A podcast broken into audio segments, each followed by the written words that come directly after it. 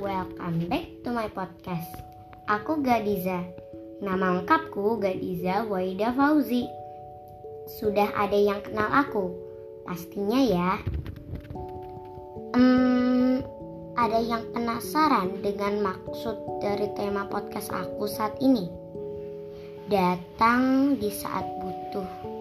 Lalu lupa seakan tak pernah meminta. Well, pastinya ada ya dari kita yang pernah merasakan atau bertemu dengan seseorang yang seperti ini. Dia yang datang mengharap bantuan, tapi lupa saat sedang bahagia. Kesel gak sih kalau kita ketemu sama orang yang seperti ini? Kalau aku, hmm, pastinya akan kesel plus sebel plus bete plus nggak nyaman.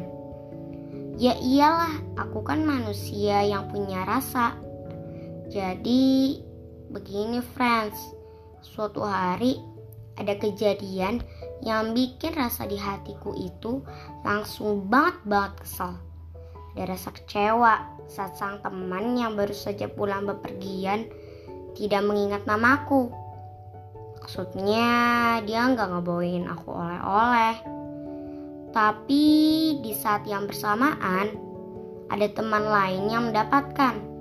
Padahal kalau lagi sedih, dia pasti ceritanya ke aku.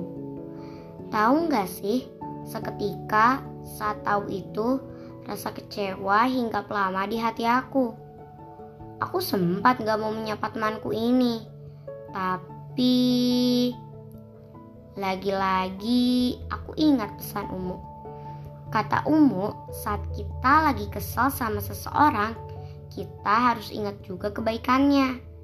Jadi, rasa kecewa gak akan lama berdiam dalam dada. Umu juga bilang, kita punya waktu tiga hari untuk bisa meredam rasa amarah dan kecewa kita. Agar kita lebih lega saat bertemu nanti. Kadang aku berpikir, apa iya orang yang punya sikap menyebalkan seperti di atas akan punya banyak teman? Sebenarnya kejadian di atas itu sudah berulang. Saat aku sedang sakit pun, teman aku yang satu ini tidak datang atau mungkin bertanya kabar. Sampai akhirnya aku ceritain aja semua akan ke umuku Umuku pendengar setia aku loh saat aku, abang, atau adikku bercerita. Malah seringnya Umu bergaya seperti anak kecil saat sedang mendengarkan adikku berbicara. Hehehe. Yang pasti aku akan selalu mendoakan temanku ini agar dia selalu mengingat aku saat senang ataupun sedih.